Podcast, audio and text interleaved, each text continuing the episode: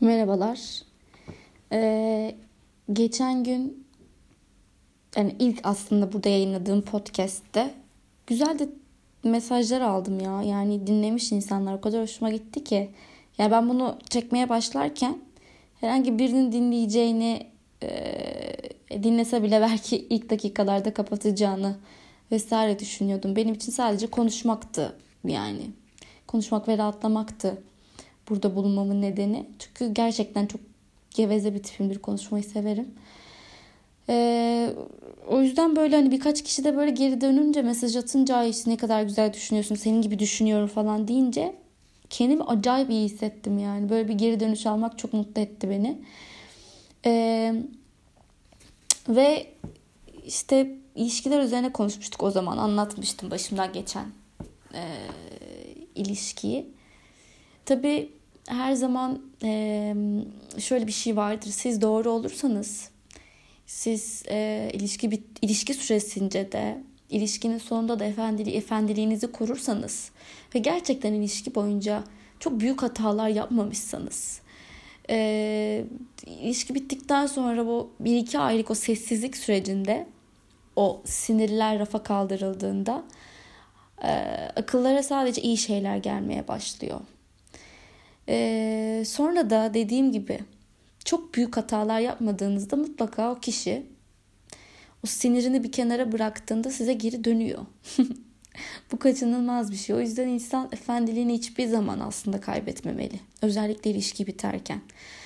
Ee, nitekim çok kararlı bir şekilde benden ayrılan e, kişi tabii ki e, kısa bir süre sonra ne yaptı? Geri dönmek istedi. Çünkü gitmesi için bir sebep olmadığını fark etti. Yani aslında e, çok anlık sinirle alınan bir kararın ardından o sinir geçtiğinde benimle ilgili zannediyorum ellerinde kalan tek şey e, aslında hatasızlıklarımdı yani. Tabii ki hatalarım vardı ama bunları e, bunları tolere edebileceğini biliyordu. Bunların tolere edilmeyecek şeyler olmadığını biliyordu. O sinir geçtiğinde e, bunlarla bir ilişkinin bitirilemeyeceğini biliyordu. E, dolayısıyla da aslında benim ilişki boyunca yaptığım şeyi o ilişkin sonrasında yaptı. Ben ilişki boyunca hep tolere eden taraftım. E, kötülerden ziyade, o anlık sinirlerden ziyade iyileri görmeye çalışan aptal bendim. Ama bu aptallık gerçekten.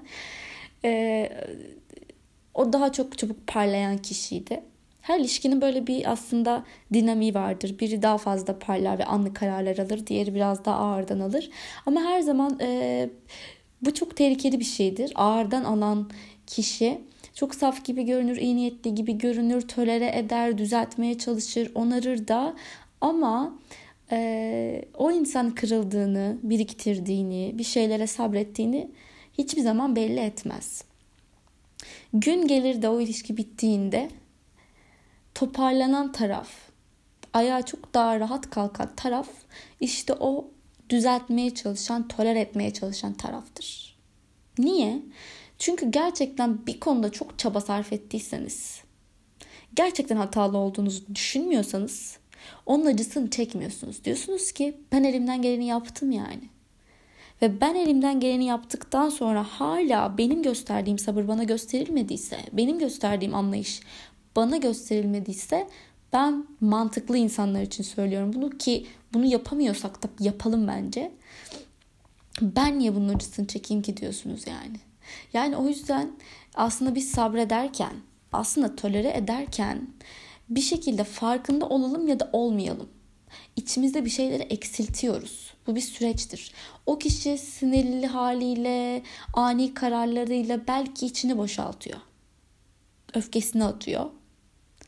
Ama sessiz kalan kişi. Sessiz kalmak da değil. Hiçbir zaman öyle aman aman sessiz bir olmadım. Hatta tartışmaların daha çok bağıran tarafıydım ama e, bir şekilde tolere eden ve anlayışlı olan kişinin de ben olduğumu düşünüyorum. Bu tabloda o bunu dinlese bana inanamazdı. Hayır sen mi öylesin derdi. Evet ben öyleydim. Çünkü ben hiçbir zaman bitsin dememiştim.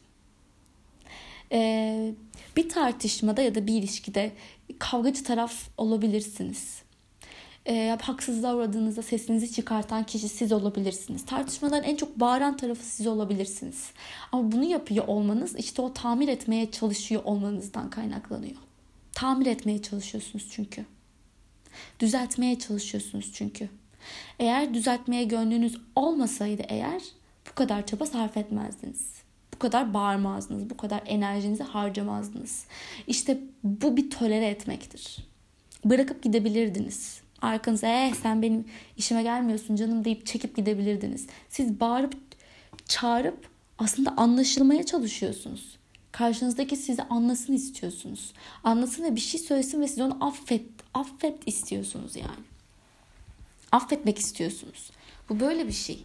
O yüzden aslında ilişkinin bence en çok bağıran tarafı seven tarafıdır. Çünkü anlaşılmak için çok uğraşıyordur. Çünkü insan sevdiği insanın onu anlamasını bekler, ister. Bu böyledir yani. Kalkıp da bir insanı çok seviyorsan ve ona gerçekten kırılmışsan sessiz kalamazsın. Bu mümkün değil. Kalamazsın ya. İçine dökersin onu, anlatırsın, bilsin istersin. Bilsin isteme, istemenin nedeni de tamir etsin istersin çünkü. Bir özrünü beklersin çünkü affetmek istiyorsundur. Dolayısıyla da bahsettiğim o anlayış, o tolere bu. Evet ben hiçbir zaman sessiz olmadım. Ben bir hata bulduğumda söyledim. Çünkü o hatanın tamir edilmesini istiyordum ve o hata olmadan yolumuza devam edelim istiyordum. Çünkü benim için önemliydi. Ama bunları yaparken, bunları tamir etmeye çalışırken, anlaşılmaya çalışırken hiçbir zaman çekip giden taraf ben olmadım. O yüzden aslında o ilişkin tolere edeni bendim. Ve e, tabii nihayetinde çok çabaladığınızda, çok anlaşılmaya çalıştığınızda ve hiçbir şey elde edemediğinizi fark ettiğinizde e, yavaş yavaş duygularınızı da öldürmeye başlıyorsunuz. Fark edin ya da etmeyin. Bir şeyler eksiliyor içinizden. Ve evet bittiğinde de e, ayrılık esnasında çok rahat olup evet ya bitsin istiyorum diyen e, taraftan çok daha kolay atlatıyorsunuz. İlişkinin zaman bittikten sonraki ilk birkaç haftayı belki mutsuz geçiriyorsunuz ama sonra yaptıklarınız, çabaladıklarınız, e, kendinizi nasıl parçaladığınız aklınıza geldiğiniz geldiğinde diyorsunuz ki ben her şeyi yapmışım. Ben haklıyım yani. Haklı adamın üzüntüsü olmuyor arkadaşlar. Yani haklıysan öyle o kadar da yırtmıyorsun kendini. Çünkü kendinden o kadar emin oluyorsun ki e, haksız biri için o kadar gözyaşı dökmek istemiyorsun bir süre sonra yani. İstemiyorsun. Dolayısıyla da kolay şekilde atlatıp yoluna devam ediyorsun. Çünkü bir, bir sınav düşünün ya. Yani çok çalıştınız ve olmadı. Ya da hiç çalışmadınız ve olmadı. Yani çalışmayanın yaşadığı stres daha fazladır yani. Çok çalıştım abi olmadıysa da olmadı diyorsun yani. Vicdanı rahat ki çalıştığını biliyorsun. Çok çabaladığını biliyorsun yani. Dolayısıyla da olmuyorsa da olmuyordur yani. Hani çünkü bir şeye üzülmekle bir şey hakkında vicdan azabı çekmenin e, hissiyatı aynı şey değil.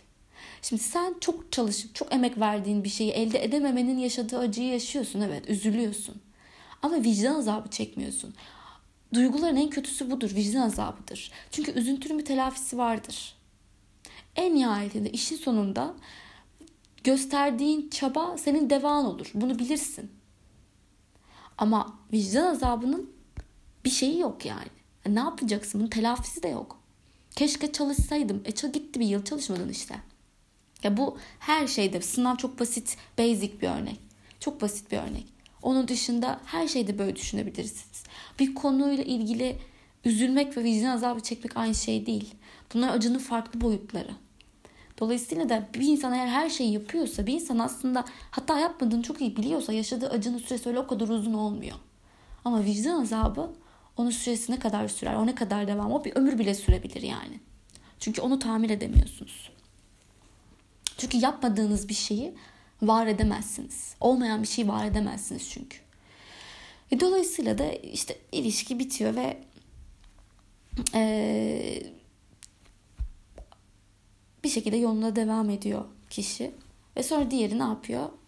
İyi günler hatırına geliyor. Aslında karşındaki insan çok da bir probleminin bir yanlışının olmadığını fark ediyor ve geri dönmek istiyor. Ve sonra sen e, ay zaten atlattım zaten hayatıma döndüm zaten e, bir şekilde artık yolunda gidiyor her şey.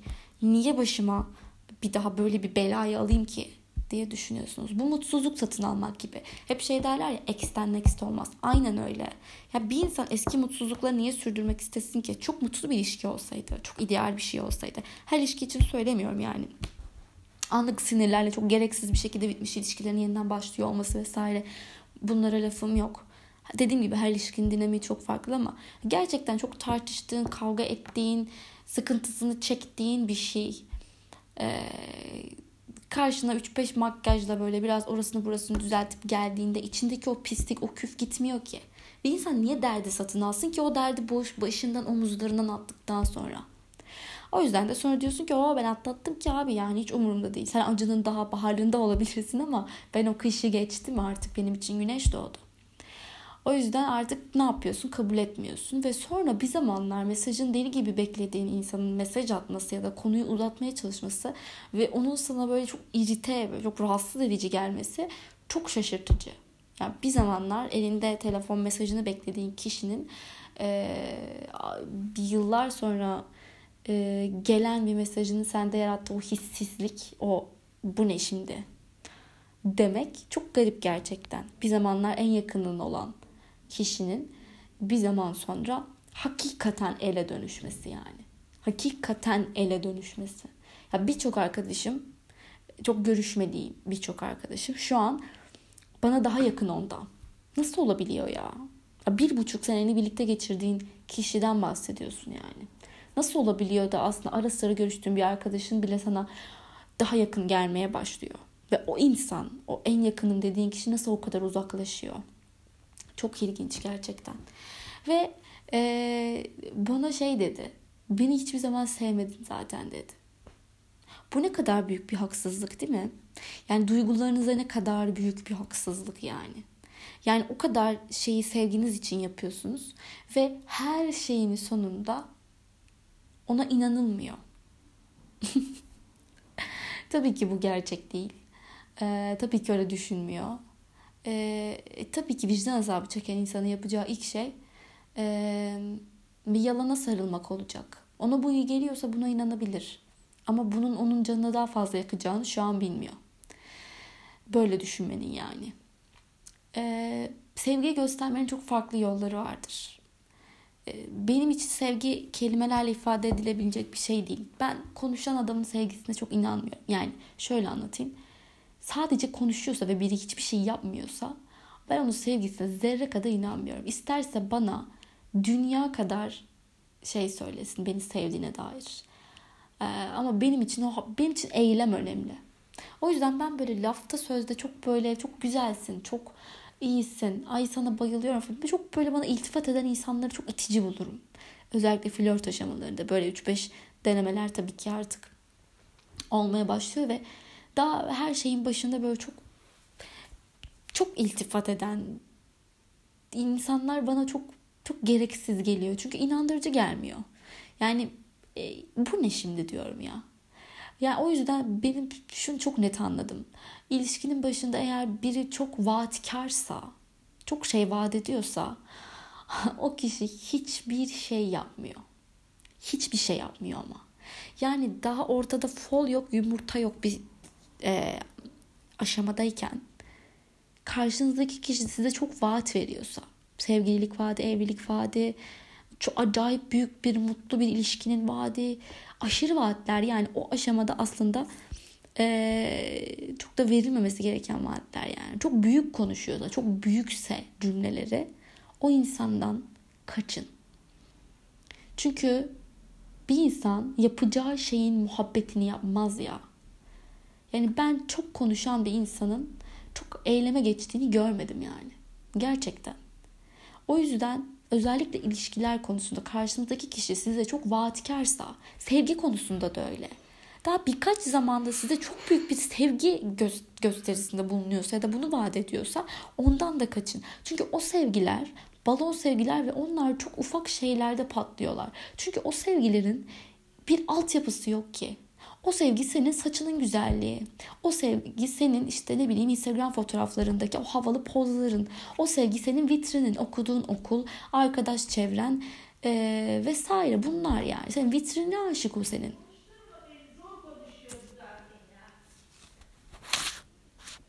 Vit... Neyse. Dışarıdan sesler geliyor. O senin vitrinine aşık yani. Dolayısıyla o sevginin altı dolu değil ki. Hani neye dayandırdı ki sana olan sevgisini? Hiçbir şeye.